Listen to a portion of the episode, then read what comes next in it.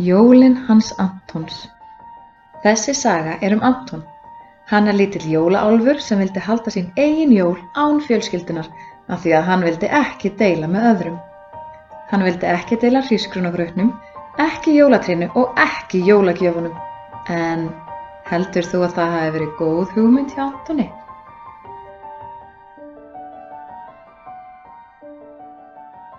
Átjándi desember Anton situr í gluggakistunni og horfir á stór hvít snjókorn falla af himnum. Það er komið kvöld og hann heyrir ugluna væla inn í skóginum. Þetta hefur verið langur dagur. Antonu finnst skrítið hvað hann hefur verið langur að líða af því að nú hefur hann getað haft allan daginn nákvæmlega eins og hann hefur óskað sér. Stundum hlær mamma svo innilega að hann finnur til í eironum og pappi hrítur svo háttur aukustólnum að allt húsið hristist.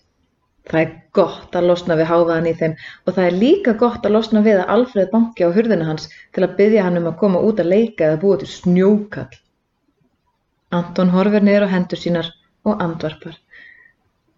Það er auðvitað frábært að vera einn, en það er samt ekki löst við að hann sakni hlátus mömmu og hávara hrótana í pappa.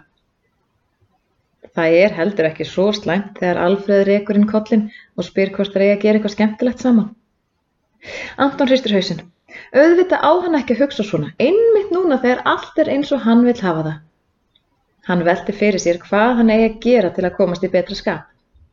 Venjulega fengi hann sér stóra ausu af graut eða nokkra smákökur, en hann er bara búinn að borða svo mikið í dag að hann er alveg að springa. Það er best að fara bara að sofa.